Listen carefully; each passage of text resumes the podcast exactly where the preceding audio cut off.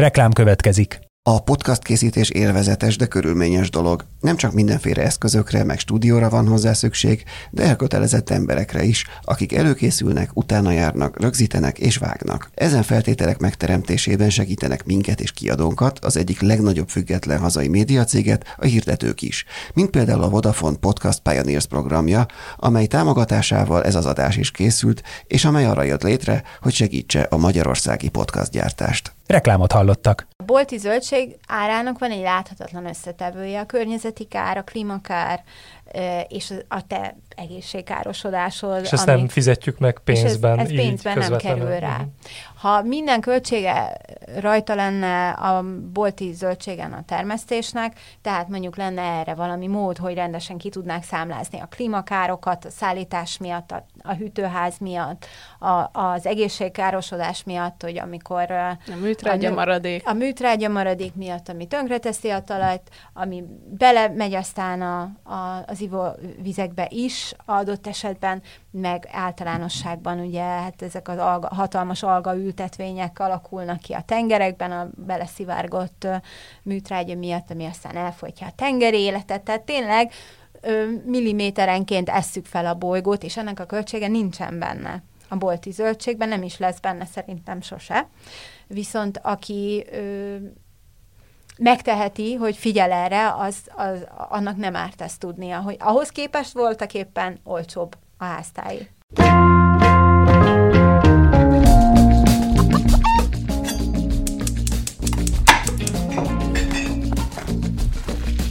Ez a Filéző, a 24.hu podcastja a magyar gasztronómia úttörőiről. A fine diningtól a háztáig, minden a hazai gasztróról. Üdvözlöm a hallgatókat, ez itt a 24.hu Filéző podcastja. A műsorvezető társam Bodnár Judit Lolázuttal. Sziasztok! A mai vendégünk pedig Dóra Melinda Tünde, kertész, de nem volt mindig kertész, hanem volt uh, gazdasági újságíró is, és ezt szeretném először kérdezni, hogy hogyan lesz egy gazdasági újságíróból kertész, aki ráadásul nem csak kertészkedik, hanem aztán még könyveket is ír a kertészkedésről, meg a zöldségekről. Sziasztok! Hát igazából nem áll annyira messze a kettő egymástól, mint a, az ember gondolná. Egy ö, gazdasági újságíró is azzal a kíváncsi szemmel jön-megy a világban, hogy, hogy, hogy hogyan jön létre az érték, hogyan jön létre a termény, hogyan milyen szövetségek, érdekrendszerek mentén alakul a gazdasági élet. És igazából egy kertben ugyanezt történik Pepitában. Amikor ö, ö, szenvedélyes gazdasági újságíró voltam még, nagyon szerettem a, a szakmámat, akkor azt láttam, hogy, hogy vannak bizonyos üzleti modell problémák a médiával. és úgy gondoltam, hogy el kellene kezdenem valamilyen más irányba is építkezni.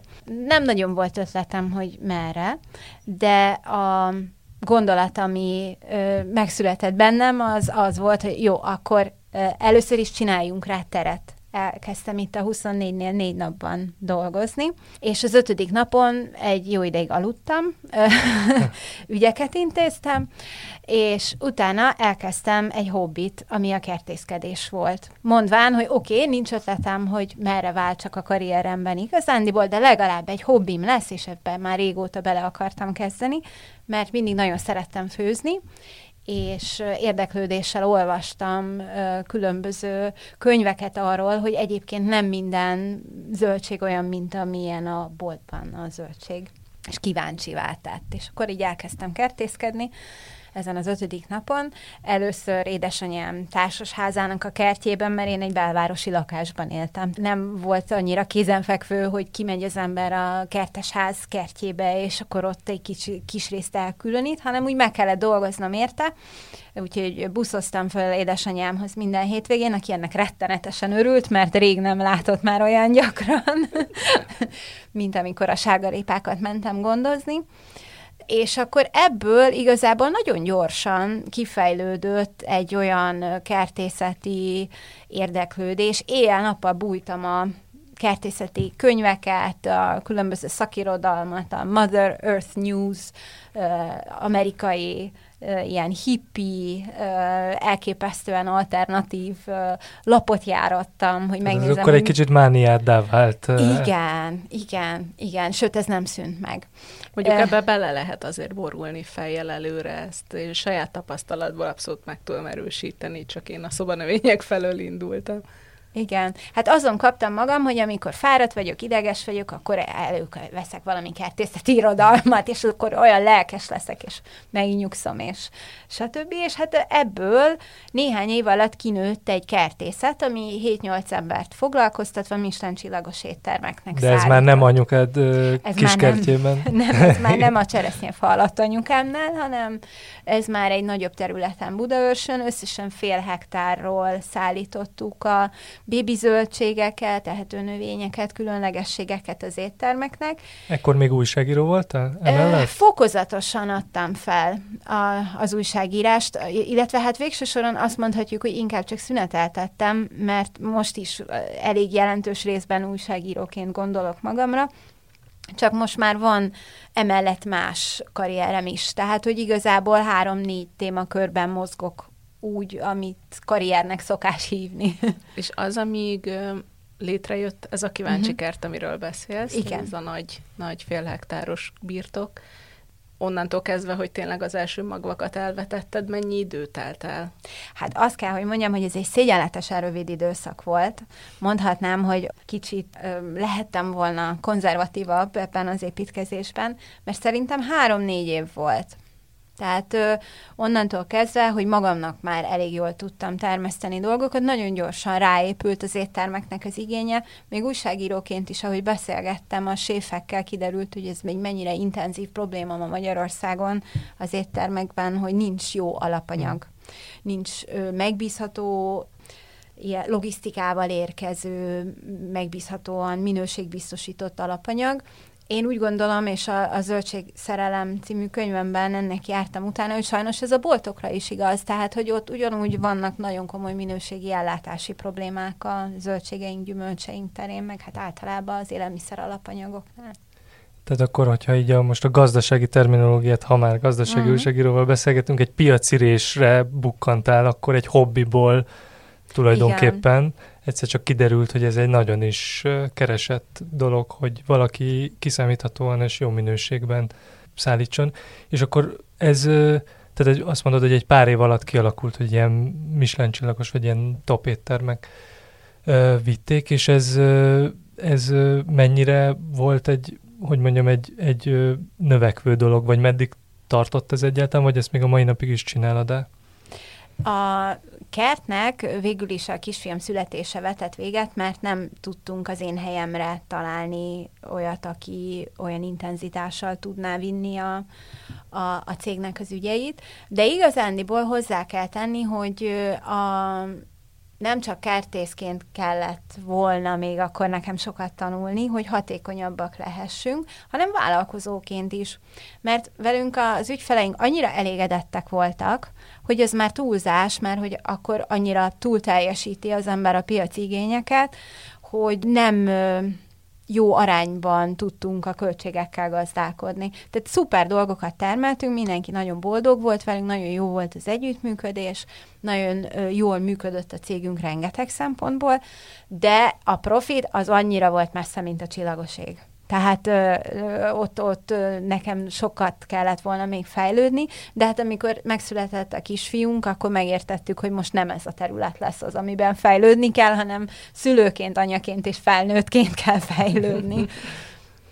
És ez nem merült föl, hogy nem tudom, mikor nagyobb lesz, mondjuk visszatérsz, vagy ezen a fronton mik a tervek? Hát mindig elgondolkodom rajta, hogy ilyen üzletszerű termelésbe újra belefogjak.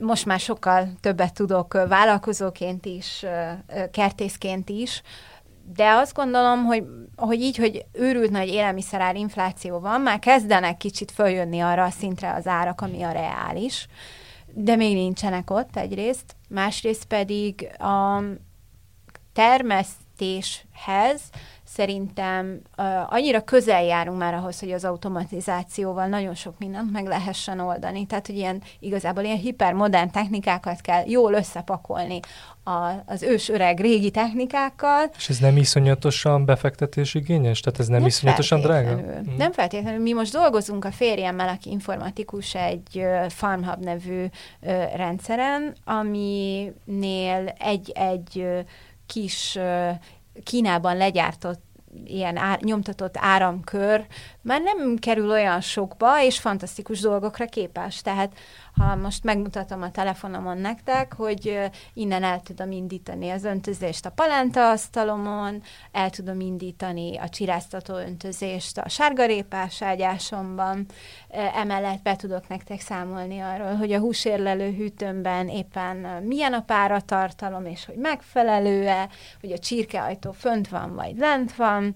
Tehát, hogy, és ezek ma már egy ilyen alapanyag költség szintjén egy ilyen 10-20 ezer forintos érték az, ami, amit be kell ruházni, hogy ilyen információkhoz jusson az ember. Tehát akkor ez is megérkezett abszolút a 21. században, nem, mint ahogy ugyan, aki nincs ebbe benne, az még azt gondolja, hogy hát ez tényleg ilyen hippi dolog, hogy így ott vagy, és akkor ott csinálsz mindent az öntözéstől a minden egyéb műveletig, de hogy ez azért nem teljesen így néz már ki a 2023-ban? Hát mi egy ilyen nagyon sajátos nézetrendszert képviselünk, mert egyszerre hozzuk az ökológiai szemléletet, és, és azt a fajta logikát, hogy néha egy meleg ágy jobb, mint egy elektromosan fűtött asztal, és ezt össz, ötvözzük azzal, hogy Internet of Things, és azzal, hogy ö, ö, hogyan tudunk mesterséges intelligenciát az adatok elemzésébe bevonni. Tehát ö, ö, nem kell azt gondolom, hogy beleállni se a, a régi módi világba, se a technologizált világba százszázalékosan sokkal jobb lehet, hogyha mind a kettő eszközrendszerét tudjuk jól használni. Mert amúgy az ökológiai célok szerintem nagyon fontosak, és a jó élelmiszer minőségnek az alap, alapjául szolgálnak. Tehát anélkül, hogy a talajt gondozzuk, és az élővilágot gondozzuk az élelmiszer ültetvényeink körül, anélkül nem fogunk tudni jó minőségű élelmiszert előállítani soha. Hát és az is benne van valószínűleg ebben a kettős szemléletrendszerben, hogy egy csomó öröm benne marad a kertészkedésben, és egy csomó kellemetlen dolog meg akár ki tud kerülni. Igen. Ezzel a félig gépesített, de mégis tradicionális és ökológiai szemléletű történettel. Igazából a talajra is lehet gépként gondolni. Tehát a, azt a gépet én úgy eltettem, hogy dolgozzon helyettem. És ugyanezt történik a gépekkel is, a, mármint a szó szerint értelemben vett gépekkel, hogy a, az öntözőrendszer, amikor dolgozik helyettem, akkor én időt spórolok meg, amit szellemi munkára tudok fordítani, fejlesztésre tudok fordítani, vagy főzésre, vagy akármire, amire szeretnék. És ezáltal válik lehetségessé az, hogy egy ilyen átlagos, vagy hát általános kertvárosi család számára is hozzáférhetővé váljon az önellátás, úgy gondolom. Az a átmenet, az hogy nézett ki, hogy most már ugye nincsen ez a beszállítói uh-huh. életetek, viszont van egy intenzív háztáji gazdálkodásotok. Azt mondtad, hogy a kisfiaddal indult a sztori, de hogy, hogy hogy nézett ki ez az átmenet? Vagy? Hát amikor a, a kisfiam megszületett, akkor mi évekig túlélő üzemmódban voltunk, őszintén szólva. Biztos bennünk volt a hiba, minket ért váratlanul, hogy egy, egy csecsemővel mennyi figyelmet igényel. Tehát nem maradt másra. És amikor már egy kicsit nagyobb volt a kisfiam, már, már járt, jött, ment, akkor elkezdtünk ö, ö, paradicsomot, meg ilyen egyéb ilyen, hogy mondjam, ö, figyelmetlenséget jól tűrő növényeket termeszteni. Egy új területen, amit egy, egy nagyon kedves idegen ajánlott fel, látva a kertészkedésünket a, a Michelin csillagos éttermek számára, hogy hát neki ott a környéken van egy telke, amit hosszú távú befektetésként tart, és ő igazából örül, hogyha gondozzuk azt a területet, azért cserébe, hogy ott kertészkedhetünk. Úgyhogy azóta is ezen a területen vagyunk, ez 2000 négyzetméter, de nagyon fokozatosan laktuk be. Tehát így, ahogy éppen volt időm, energiám, csináltam pár ágyást, akkor utána ö, építettem egy ö, tyúkólat, akkor egy nagyobb tyúkolat, aztán egy még nagyobb tyúkolat. szóval, hogy ezek a dolgok így adják magukat, viszont az ágyásoknál azért érdemesnek találtam megállni egy, egy idő múlva, mert minden felület, amit az ember gondoz, az jár bizonyos fix költségekkel hogy oda kell rá figyelned, gyomtalanítanod kell, adott esetben komposztot kell rárakni, stb. Tehát egy veteményesnél az a cél, hogy a lehető legkisebb legyen, ami még ellát téged.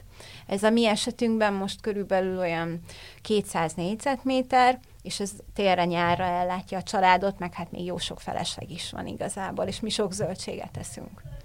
És egyébként itt ugye az önellátás már szóba került. Egyrészt, hogy mit értünk pontosan önellátás alatt, mert ugye ez alatt azért ez egy elég tág fogalom, tehát hogy nem kell zöldséget venni a boltba, ez mondjuk azt jelenti?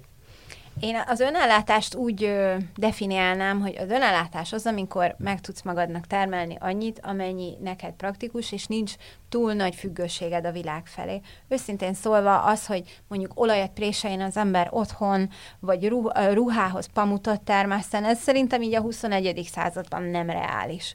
Ami nálunk az önellátás, az az, hogy mondjuk a, ha a, jön egy pandémia, és a Tesco csak három hét múlva tud szállít, szállítani, akkor én nem ijedek meg, hanem mosolygok egyet, hogy hát ez minket nem érint, akkor meghagyjuk a helyeket a többieknek.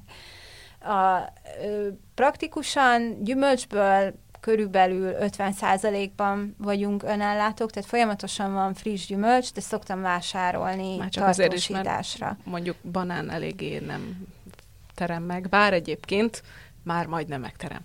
idővel, idővel, igen. igen. igen. A füge már megterem Magyarországon, a kivi is. Igen, igen a zöldségből, ha nem üt be valami kertészeti katasztrófa, mint mit tudom én, tavaly volt a földi bolháknak egy olyan rajzása, ami ökológiai eszközökkel én úgy gondolom, hogy már megfoghatatlan volt, akkor legyalulták a káposztaféleimet. Akkor idén télen vettünk káposztaféléket. Volt olyan év, amikor berohadt a sárgarépám, mert rosszul állítottam be az öntözését, akkor vettünk sárgarépát de alapvetően azokat a, a zöldségeket, amiket ilyen szezonális zöldségként szoktunk rá gondolni, azt mi megtermeljük magunknak. Spárgát szoktam még venni kiegészítésképpen, mert abból még fiatal az ültetvényem, de a rebarbarától kezdve a céklán, répán, fokhagymán, öm, különböző ö, káposztaféléken, tehát brokkoli, karfiol, stb. ezeket nagyobb részt megtermeljük magunknak.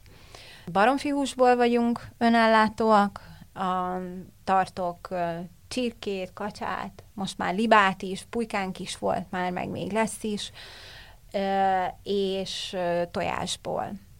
Illetve új, új program az idén, hogy vettünk egy magyar óriás nyúl párt, és most még egyenlőre a házunk mellett vannak, hogy lássuk, hogy hogy vannak, meg értsük meg, hogy mire van szükségük tőlünk, és aztán majd átkerülnek egy jóval nagyobb zárt ketrecbe, a, tehát hogy jóval nagyobb alatt értve ilyen tizen pár négyzetméteres zárt ketrecet, egy kifutót igazából, ahol majd ott békében el lehetnek a tyúkudvarunk mellett.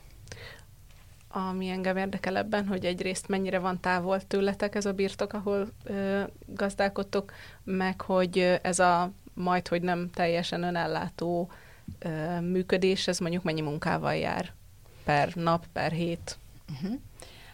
Szerencsénk van, mert mi Török Bálinton lakunk, és onnan autóval 5 percre van Budaörsön ez a terület, de egyébként a Ménesi útról, a Gellért hegyről is jártam ki, onnan 15 perc volt autóval, tehát ez a, a mm, az ember vonulási útvonala mentén, vagy onnan nem túl messze levő agglomerációs telek, ez egy zárt kerti terület, ez amúgy tényleg lehet egy tök jó ilyen távoli farm, egy akár belvárosi család számára is.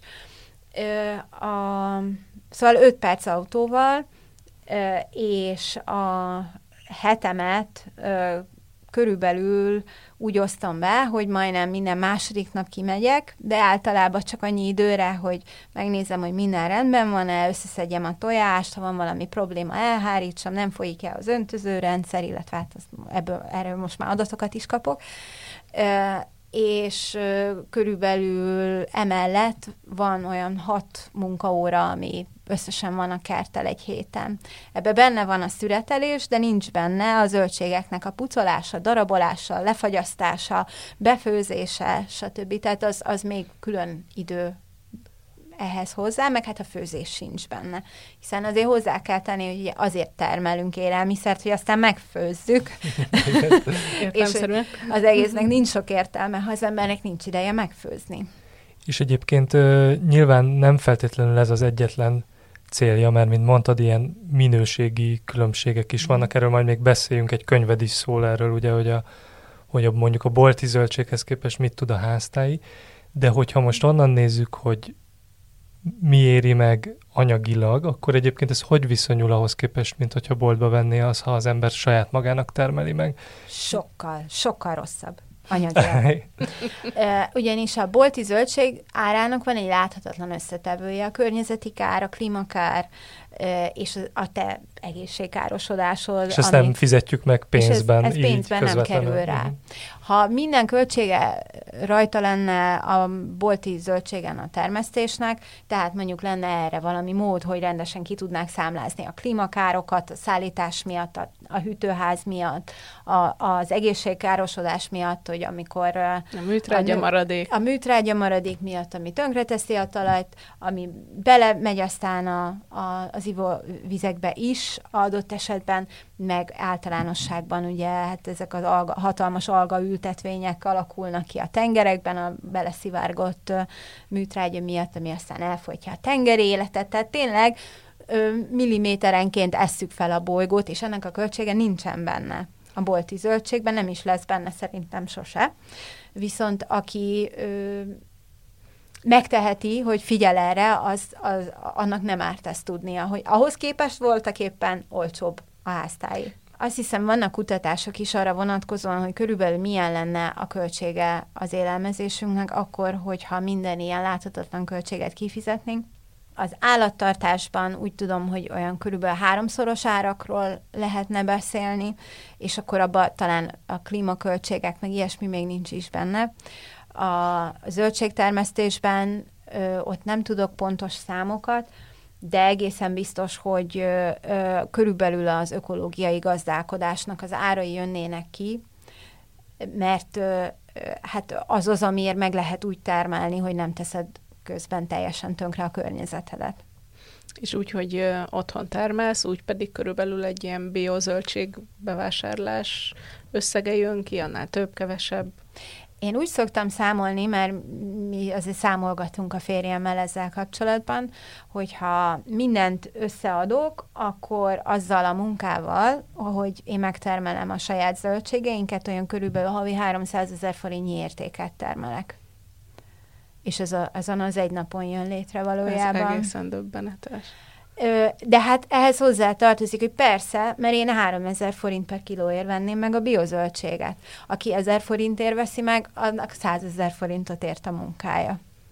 Tehát ugye egy család gazdálkodásában ezek, hogy mit váltunk ki, azzal, hogy megtermeljük, az nem, nem teljesen lényegtelen.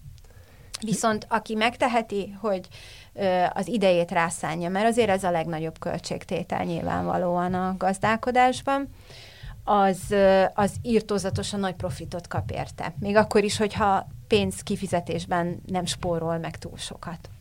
És mondjuk ilyen ö, egészségi szempontból mi ez a profit? Mert mondjuk azt mindenki tudja, hogyha va, hogy mondjuk irodai munka mellett tök jó valami, tényleg ami miatt te is elkezdted ezt csinálni, részben, hogy, hogy valami teljesen más, amit nem a számítógép előtt ülve mm. csinál az ember, ez nagyon jó rekreációs tevékenység nyilván, de hogy ezen túl konkrétan ab, arra, amiben utaltál, hogy teljesen más a bolti zöldség, nem csak a klíma, meg a környezetünkre ad másként, hanem a saját szervezetünkre is.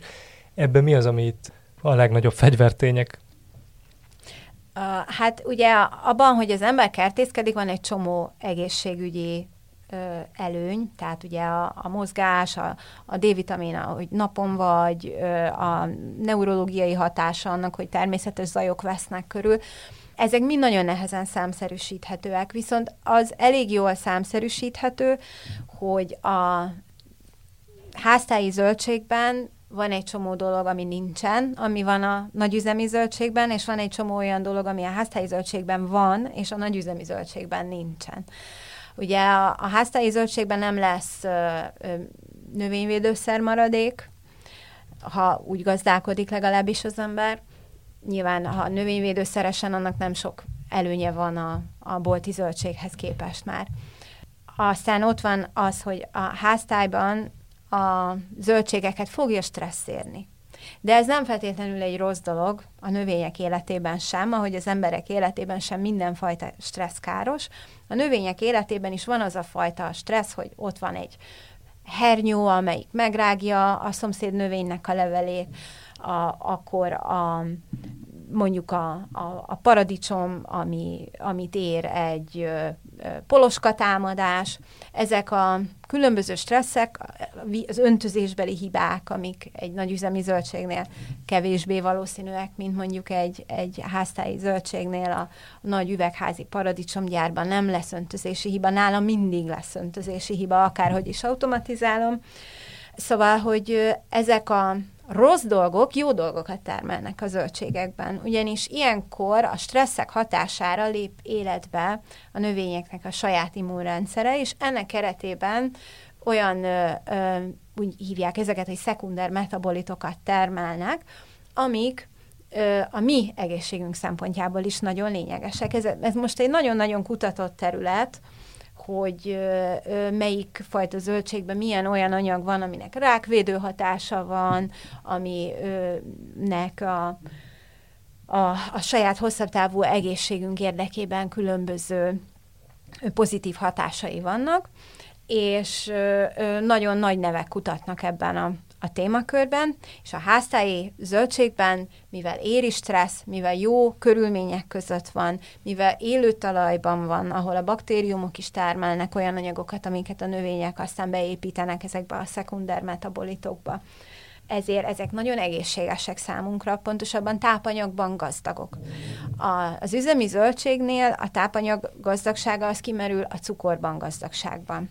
Például a paradicsom esetében a Brix indexet ma már szerencsére egyébként használják arra, hogy mérjék a paradicsomnak a cukortartalmát, meg a szárazanyag tartalmát, és, és a Brix indexbe egészen magas paradicsomok, amikor hazavittem egyszer egy ilyen üzemből a saját családom számára, hát kiköpködték, mert hogy mi ez a vastag héjó Értjük, igen, hogy... hát, ami nagyon édes, de még sincs semmi íze. Hát és ugye nagyon vizesek, az a, ez a könyvedből is kiderül, hogy ugye mire súlyra, súlyra árulják a zöldségeket, ezért sok benne a víz, kevés benne a szárazanyag, és egyébként különbél, különböző ásványi anyagok és vitaminokból is lényegesen kevesebb Igen. kerül beléjük gyakorlatilag.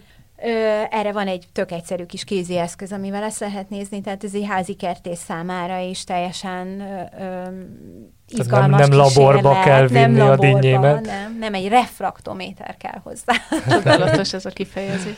Igen, és ö, ez egy teljesen ilyen kis kézi eszköz, nagyon aranyos érdemes megnézni az otthoni zöldséget vele, érdemes összehasonlítani a bolti zöldséggel, én meglepődtem, hogy a saját paradicsomaimnak a BRICS értéke egyáltalán nem olyan magas, olyan 4-5 körül van, míg a, a, egy, egy profi paradicsomgyárban egy koktél paradicsom 10-15-ös BRICS indexet is el tud érni, de mégis, ugye ez a végkövetkeztetés, jó-jó édes, de nincs semmi íze.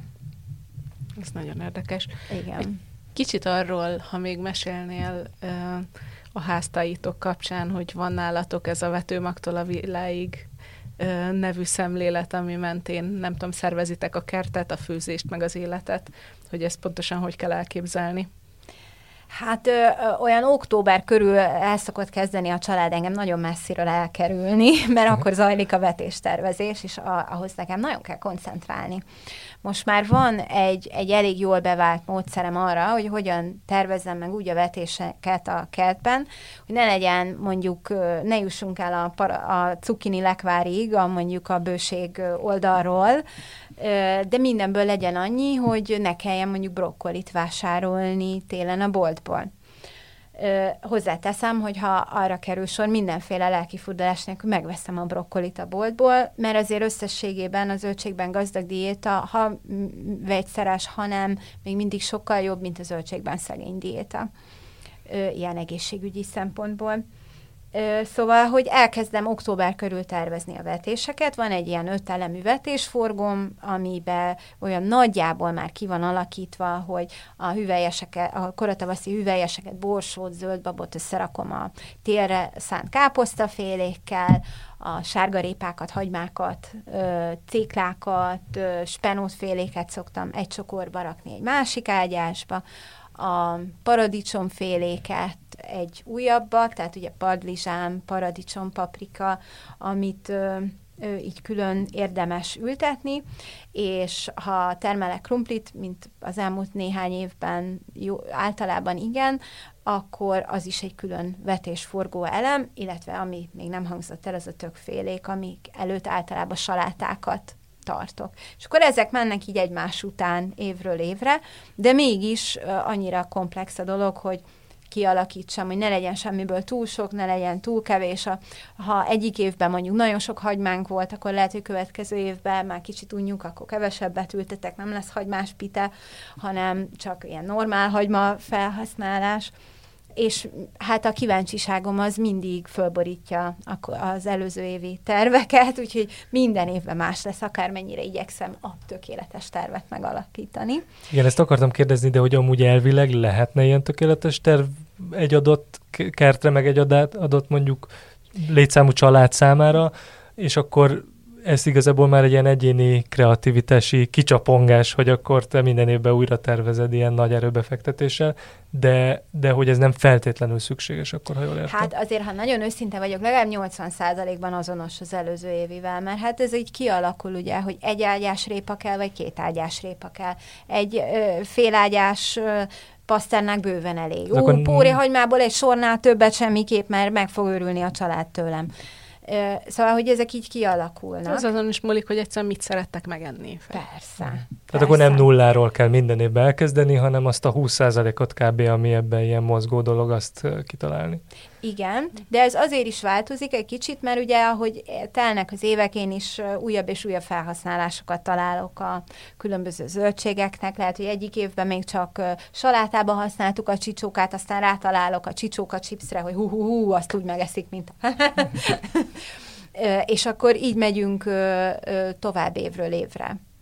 Ez, ez mindig a konyhából indul azért a kertnek a tervezése, tehát kell tudni, hogy mit szeretünk ez, ez egy hosszú folyamat volt egyébként, ez a, a napi főzés sokkal több meló, mint a kertészkedés. Tehát eljuttatni a bolti zöldségből a, a, a tányérig a dolgokat, sokkal több munka, mint eljuttatni a vetőmagtól a bolti zöldség állapotig a dolgokat. Ez engem nagyon meglepett. De miért egyébként? Azért, mert a, a kertbe tulajdonképpen, ha a munkának az öme, az június környékétől már csak a szüret. Ö, és azzal egy fél órát mondjuk eltölt az ember, maximum egy nap. Viszont amikor te leszüreteled azt a, azt a mit tudom én, egy, a mi kertünkből egy ilyen jó nyári napon, amikor jó sok dolgot lehet már szüretelni, hát egy 5-10 láda zöldség jön le.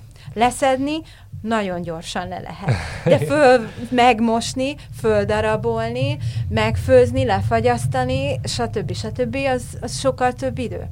Viszont minden kertnél fontos figyelembe venni azt, hogy az év felében ter- tudunk termelni, tehát az év egészére kell tudni abban a fél évben megtermelni a zöldségeket, ami azt jelenti, hogy a kertnek a fele körülbelül már a térre dolgozik folyamatosan, tavasztól.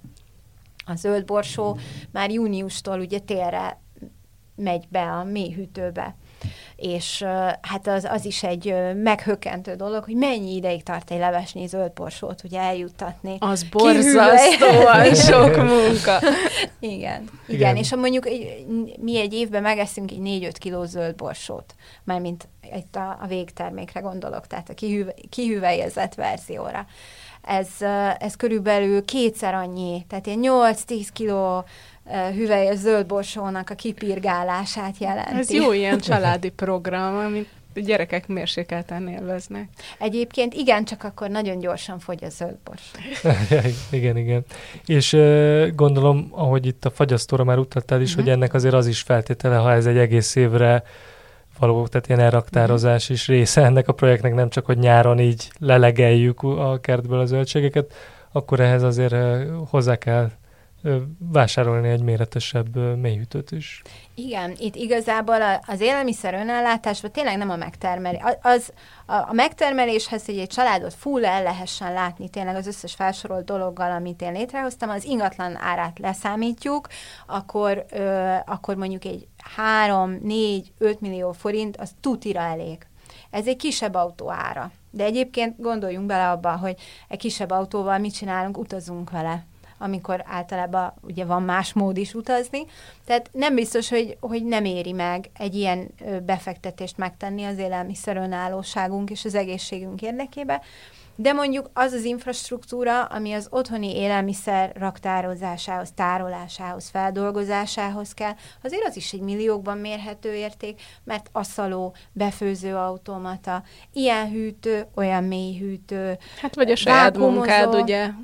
Az a másik része. Hát az, az mindig a legdrágább. Tehát a mi munkánk a legdrágább, de hát a mi munkánkkal kapcsolatban viszont meg azt a a kérdést is érdemes feltenni, hogy mivel töltenénk egyébként ezt az időt tévé előtt rohadnánk? Hát meg, hogy egyébként ezekkel valójában tök jó foglalkozni, csak Igen. nem tudom, a modernitásban így leneveltek róla, de amúgy nem tudom, lekvárt főzni tök buli, meg lecsót berakni, szóval, hogy ezek egyáltalán, egyáltalán nem, nem mondom, hogy nem fárasztóak, mert de, uh-huh. viszont egy tök természetközeli, emberközeli, mentális egészség szempontjából nagyságrendekkel jobb program, tényleg, mint a 42.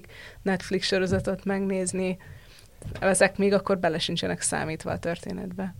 Hát igen, ugye a fogyasztunk vagy termelünk, és az élelmiszerünk megtermelése azért az ad egy olyan ö, pszichológiai pluszt, ami, amivel nehéz felvenni a versenyt, tehát tényleg ez az asztalos képességekhez hasonló, hogy meg tudok építeni egy konyhaszekrényt, az, az egy ilyen tök szuper dolog, vagy meg tudom termelni a kajámat, ez egy ilyen tök szuper dolog, amit végig jó csinálni. Persze nem minden pillanatban, mert van, amikor esik az eső, fúj a szél, hideg van, nincs kedved, törörö, törörö, meg van, amikor az ember már hatékony szeretne lenni, akkor már nem minden pillanata akkora élvezet, de megmondom őszintén, hogy én minden alkalommal, amikor megyek a kertbe, azért jó, nem minden alkalommal, mondjuk a pillanatok 90%-ában örülök, hogy megyek. Igaz, én a munkahelyemre is szerettem járni, de, de hogy ez egy jó, jó érzés, igen. Ahogy az erről szóló ilyen újságcikkeidben is utalsz erre, hogy azért itt a kudarc tűrőképesség az egy fontos dolog. Tehát az, hogy ne, ha belevágunk egy ilyesmibe, ne tántorodjunk el az első olyantól, amikor valami elviszi a teljes termésünket valamiből, vagy nem, egyáltalán nem úgy alakul a dolog, mint ahogy elképzeltük, akkor tehát egy nagyfokú ilyen adaptációs képesség azért ehhez kell.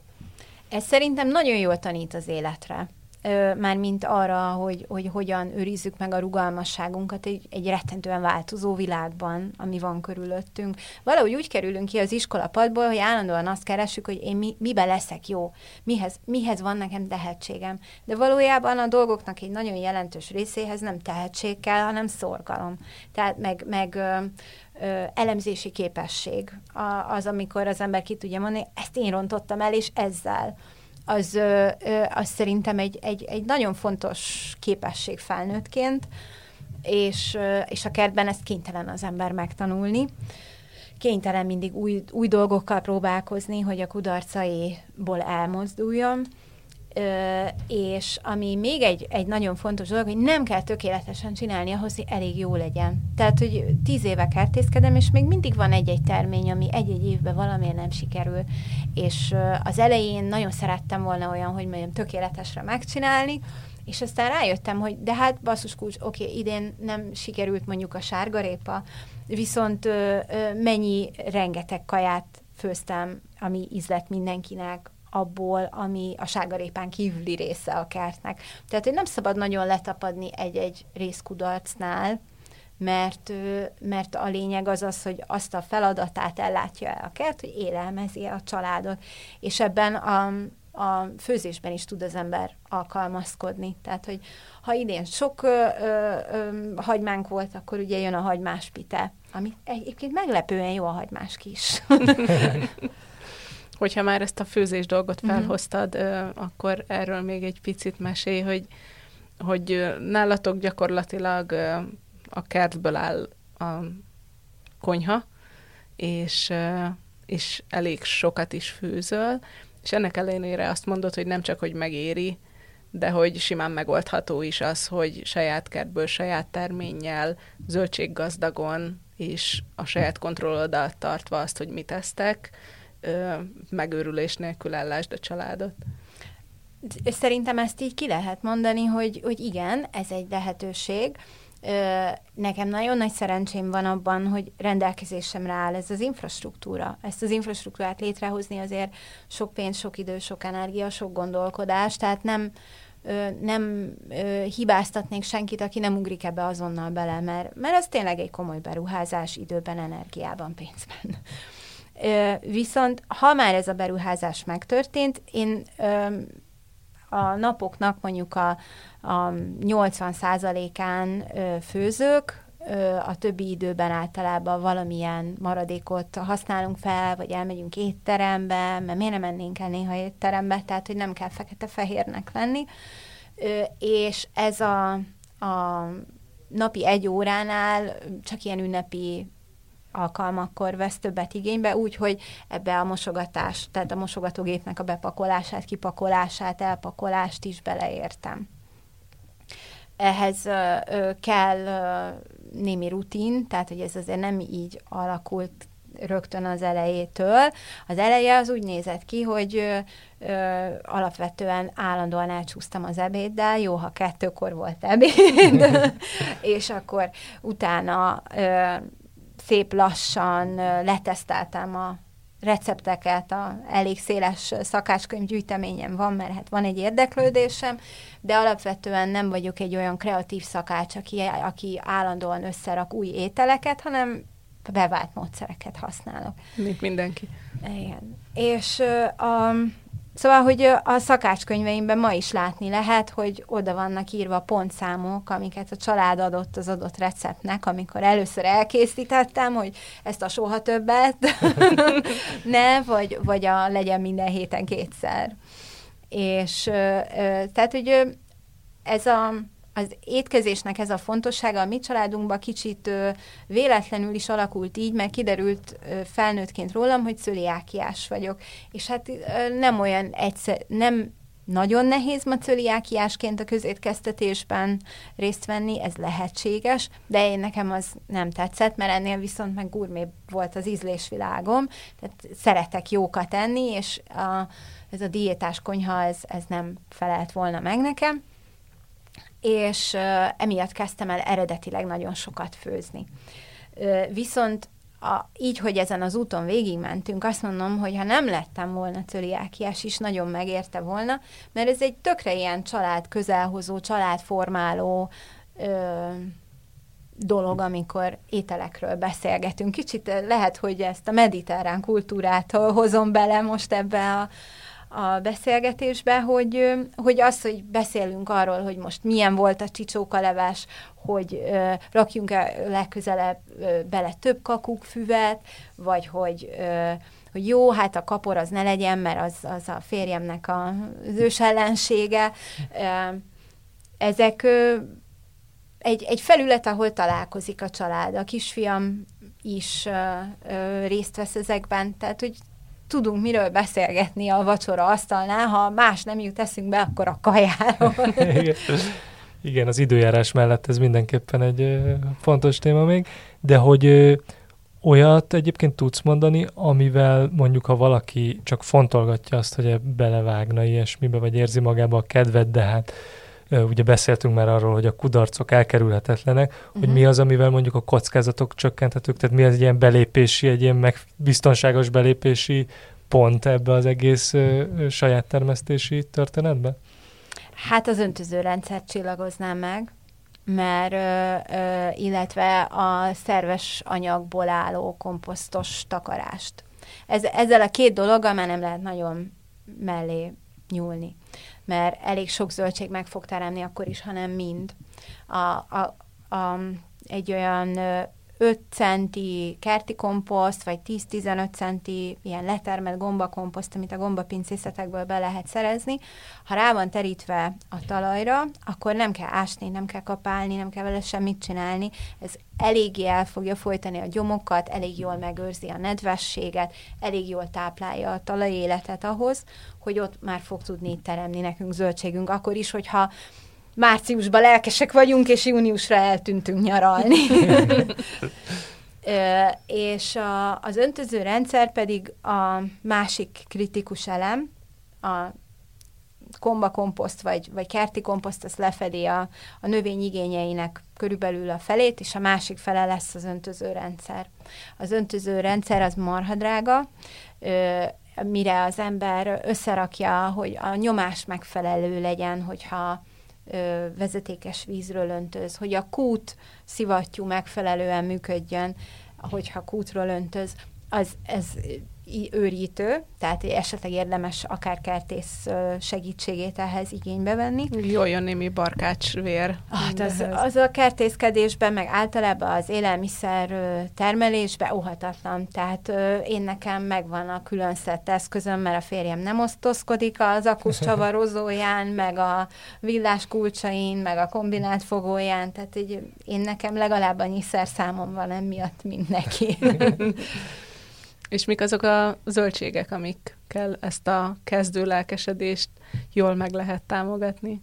A paradicsom az mindenképpen egy olyan, amit annyira látványos a különbség, és elég könnyű megtermeszteni. Tehát lehet, hogy jönnek majd a poloskák egy idő múlva. Sőt, Sőt biztos. szinte biztos, de azért egyrészt addig is lejön elég sok paradicsom, másrészt pedig poloskák ellen is lehet azért védekezni ökológiai eszközökkel, lehet uh, fújni őket, meg lehet betakarni, elzárni fizikailag, mondjuk fátyolfóliával a, az ültetvényünket a rovaroktól, és, és ha minden, mindez kudarcot val, akkor még mindig ott van az, hogy ráhúz az ember egy zoknit a paradicsomra, és akkor nem fér hozzá a, a poloska. Lehet, hogy nem túl elegáns, de...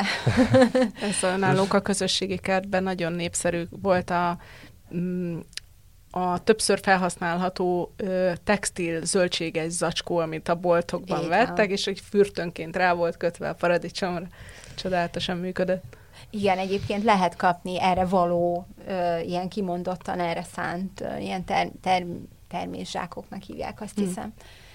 Igen, arról ugye beszéltél már a korábban, hogy a nagyüzemi zöldségtermelés az milyen járulékos hatásai vannak mondjuk a klímaváltozásra nézve, ami nincs beárazva természetesen uh-huh. a boltjárba, de a klímaváltozás ugyanakkor a háztáji termelésre is gondolom, hogy kihat, vagy ezt te mennyire érzékeled, mennyire látod azt, hogy mondjuk felborítja azt a menetrendet, amit akár pár éve, akár régebben le lehetett fektetni, vagy, vagy, vagy ez egyelőre most még csak egy változás elején járunk? Hát amit én, én látok, a kertben a legnagyobb gondot két dolog okozza. Az egyik az az, hogy ö, tavasszal ö, váratlanul hamar felmelegszik néha az idő, és akkor ugye elindul az élet, és amikor aztán jön egy keményebb fagy, akkor megdöglik. Ö, ez ugye a gyümölcsfáknál különösen tapasztalható, hogy most már nem is tudom, hány éve nem volt például sárga baracka mi területünkön, azért, mert mindig, amikor jön a, ki, szépen kivirágzik, és akkor jön, a, jön egy keményebb fagy. Ö, volt olyan év, ahol kimondottan felírtam magamnak, hogy hát ez nem igaz, hogy április 7-én érkezett a legnagyobb hideg azon a télen és hát április 7-én, hát már nő a kukorica, már, már majdnem kim vannak a paradicsomok, hát a, a bab ott, ott hal meg rémültében, amikor jön egy ilyen hideg. Tehát, hogy ez, ez az egyik probléma. Ezt lehet egy kicsit csillapítani azzal, hogy az ember például ilyen fólia alagutakat, fátyolfólia alagutakat húz a növényei köré, amik egész jól ki tudják egyenlíteni az ilyen hirtelen fagyokat. Persze egy mínusz tizet nem, tud, nem tudnak kivédeni, Tehát ha mínusz 10 fok van, akkor még a fólia sátorban, a nagy fólia sátorban, ahol nagy légtömeg van, még ott is elfagy minden. A másik probléma, ami van, az a nyári őrületes asszály amikor hónapokon keresztül nem esik eső. Ezt nagyon-nagyon nehéz öntözéssel kompenzálni, automata öntöző nél, rendszer nélkül gyakorlatilag lehetetlen, mert uh, hiába öntözi az ember a, a, az keményre száradt talajt, nem megy át rajta a víz. Tehát uh, hiába slaggal, gyakorlatilag felesleges megpróbálni öntözni. Tehát akkor az öntöző rendszernek nem csak kényelmi funkciója van, hogy a telefonomról tudom a távolból mm. irányítani, hanem ilyen is, hogy stabilitást ad ennek az egész folyamatnak. Így van. A, a, kicsit szomorkodva, de azért büszkén is néztem, hogy az én kertemet nem ütötte meg a tavalyi nagy száj, miközben a környékünkön mindenhol ö, minden, minden növény elment gyakorlatilag, mert nem, nem bírták. Aztán ugye a szezon hosszabbodását is érezni, de ez nem feltétlenül egy kellemetlen dolog, hiszen tovább lehet termelni. Az őszi időszakban már inkább csak a fényhiány szab határt a, a növények ö, hosszabb ideig tart, földben tartásának. Ö, nálunk decemberben vannak először komolyabb fagyok, ami, amiknél már, már le kell szedni a növényeket, míg a, a paradicsom, paprika is novemberig fönn tud maradni. Jó, akkor már nem nőnek sokat, de arra jó, hogy az ember a, a zöld paradicsomot, meg a zöld paprikát el tudja tenni egy hűvös helyre, és akkor még, még karácsonykor is van paradicsom, meg paprika a kertből. Lehet, hogy abból már inkább lecsó lesz, mint frissen fogyasztott paradicsom, paprika, de akkor is azért az sokat jelent. Úgyhogy igazándiból a, a klímának az extremitása az, ami, ami nehezíti a munkát egy kertben. Viszont a háztájizás az gyakorlatilag piciben ennek ellenében is hat, hogyha ha jól értem. Tehát, hogy családonként igazából lehet tenni a klíma katasztrófa ellen, akár így. Igen, igazából a háztáinak az a sajátossága, hogy sokkal gyakrabban van, hogy például nem használnak ilyen szántásos módszereket az emberek, ugye ez az, a, az élelmiszertermelésnek az egyik nagy klímakárosító hatása, hogy ugye szántanak, és amikor fölforgatják a talajt, az anaerob baktériumok aerob környezetbe kerülnek, az aerob baktériumok anaerob környezetbe kerülnek, és mindenki megmurdál. és uh, ennek során valamennyi nitrogén is belekerül a talajba, ugye ez a szántás mögötti logika, viszont nagyon sok széndiokszid kerül a levegőbe. Ez az egyik fele. A műtrágyagyártáshoz rengeteg gázt használnak fel, a gázkitermelésnek a klímakárosító hatásáról ugye nem kell külön beszélni, és a, egy házi kertben nem lesznek nem tudom én hány száz lóerős traktorok. Tehát ott, ott a mi munkánk pótolja a traktort, a mi derekunk fáj, ami, és nem a dízel megy a traktorba. Tehát ez is egy, egy fontos eleme, és a, igazándiból az, hogy a tárolás helyileg történik, az még lehetne egy kevésbé hatékony módja a feldolgozá- a zöldségek feldolgozásának, hogy otthon csináljuk, mint a nagyüzemben. Viszont ha mellé rakjuk azt is, hogy mennyi logisztikai ö, környezeti kibocsátással jár, mondjuk míg a paradicsom konzerv formájában eljut én hozzám, akkor már nem biztos, hogy ö, ö, annyira rossz a háztáinak a, a kicsiben feldolgozáshoz kapcsolódó környezeti lábnyoma. Ugye a a nagyüzemben sokkal hatékonyabb a hevítés, a tartósítás, mint, mint otthon, ezt azért hozzá kell tenni, de mondjuk, ha egy család beruházott már egy napelembe, hogy nagyon sok család tette ezt az elmúlt években, akkor megint ott tartunk, hogy a napelem kicsit többet jár, az nem akkor a probléma környezeti szempontból. És akkor te ebbe, ha jól értem, hogy most ilyen tanácsadóként is dolgozol már, mint hogy segítesz, ha valakinek van igénye ö, saját kertet csinálni, vagy, vagy nincs ilyen típusú tevékenységed Hát ö, szívesen fogadok minden ö, megkeresést, és szívesen segítek. A, van ö, ö, a, egy olyan tanácsadói munkám, ahol ezt egy kicsit nagyobbat csinálom. A Máltai Szeretett Szolgálatnak segítek olyan ö, ilyen ökológiai birtokokat ö, felépíteni, amik a Magyarország leghátrányosabb helyzetű településein tudják vagy az ott élők élelmiszerellátását segíteni közvetlenül, vagy pedig egy olyan ilyen árutermelő logikát tudnak adni az emberek kezébe, amivel ők maguk utána tudnak könnyebben ökológiai módszerekkel termeszteni. Ugye ez azért fontos egy ö, szegénységgel küzdő település életében, mert ez még mindig az egyik legjobb profitmarzsal rendelkező része az agráriumnak, mármint ha nem a legnagyobb, legtőkeintenzívebb agráriumra gondolunk, e, nem igényel annyira rettentő sok beruházást, hogy ne lehetne valahogy összerakni rá a pénzt és ugyanakkor elég jó piaca van, sőt azt gondolom, hogy talán egyre jobb piaca lesz, ahogy a, a, a sima növényvédőszeres zöldségnek az ára is jön fel hozzá. És egyébként akkor e, erre látod, vagy tapasztalod a növekvő igényt a, a mondjuk így a magyar, magyar társadalomon belül mostanában? Hát most szerintem a magyar társadalmat nagyon odavágta az élelmiszerárinfláció. Igen, az Tehát, hogy, hogy nem tartunk még ott lélekben se, hogy feldolgozzuk, hogy valójában nem vagyunk annyival gazdagabbak, mint a nagyszüleink voltak.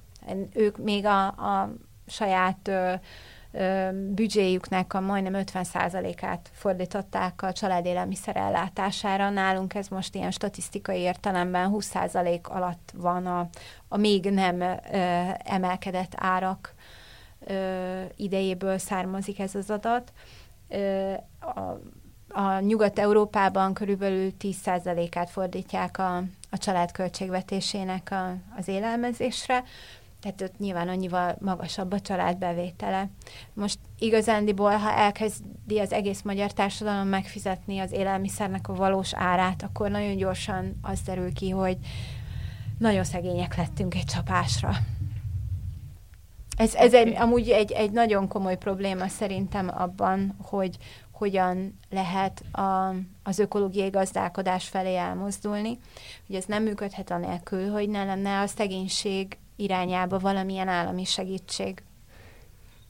Hát illetve az is ott van, hogy tulajdonképpen hogyha nem is az automatizált hiperprofi háztáji gazdálkodás, de akár ennek a kicsiben történő elkezdése mégiscsak így a kiút felé indíthatja el talán ezeket a családokat.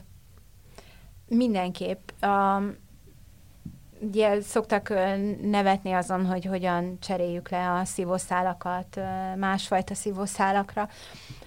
Azt hiszem, hogy el kell fogadnunk azt, hogy a, a fogyasztásunkat érdemes átnézni olyan szempontból, hogy tényleg mindenre szükségünk van-e, amit, amit fogyasztunk. Ahogy az élelmiszerre szükségünk van, és jó minőségű élelmiszerre van szükségünk ahhoz, hogy ne legyünk betegek, ez, ez viszont egy vitathatatlan fogyasztási igény. Én techno-optimista vagyok, tehát azt gondolom, hogy az emberiség meg fogja találni a, a megoldásokat a, a környezeti problémákra, a klímaváltozásra, de hogy jó, hogyha összeérnek ezek a, a szálak, tehát hogy mi is megpróbálunk a saját boldogulásunk érdekébe tenni, és főleg olyan dolgokat, ahol a, a, az emberiség irányába és a bolygó irányába is jó ö, lépések ezek. Tehát, hogy mi biztosan egészségesebbek leszünk attól, hogyha nekiállunk kertészkedni, elkezdjük, elkezdünk a családnak főzni, a helyet, hogy a McDonald's-ig gurulnánk el szombaton. Ö, e, e, ebből nekünk bajunk nem lesz. és a, a bolygónak sem. Persze mondjuk azért az igényel egy kisebb fajta szemléletváltást, hogy a minden nap házhoz szállítatom az ebédetből, eljussunk odáig, hogy mondjuk legalább két naponta főzök valamit. Igen, ez egy, ez egy tényleg nagy váltás. Én mindenkivel empatizálok, akinek ez nehéz, nekem is nagyon nehéz volt. És egyébként, hogyha azt veszük, hogy amikor te ebbe belevágtál, mondjuk, uh-huh. nem tudom, ez hány, év, hány évről hát beszélünk? Mondjuk egy 15 év. 15 éve? Ahhoz képest most mit látsz nyilván ebbe a te könyveid, meg egyéb tevékenységed, vagy ilyen kommunikációs, ahol most is, hogy erről beszélsz, is beletartozik, de úgy általában véve a nagyobb képet nézve, ha valaki most akar ebbe belevágni, most már sokkal könnyebb helyzetben van abból a szempontból, hogy sokkal több információhoz juthat az elején, tehát kevesebb kudarcot kell a saját bőrén kitapasztalnia? Egyik részről igen, mert én a kertkalandot annó is azért írtam meg, mert nem találtam magyarul olyan irodalmat, ami, ahol nem ahol úgy egyben megmondták volna, hogy, hogy hogyan érdemes csinálni, hogyan érdemes elkezdeni. Mert minden irodalom, amit találtam, az onnan kezdődött, mint amikor a szakácskönyv onnan kezdődik, hogy készítse egy világos rántást. Hogy köszönöm, ez biztosan jelent valakinek valamit, de nekem kezdőként pont semmi.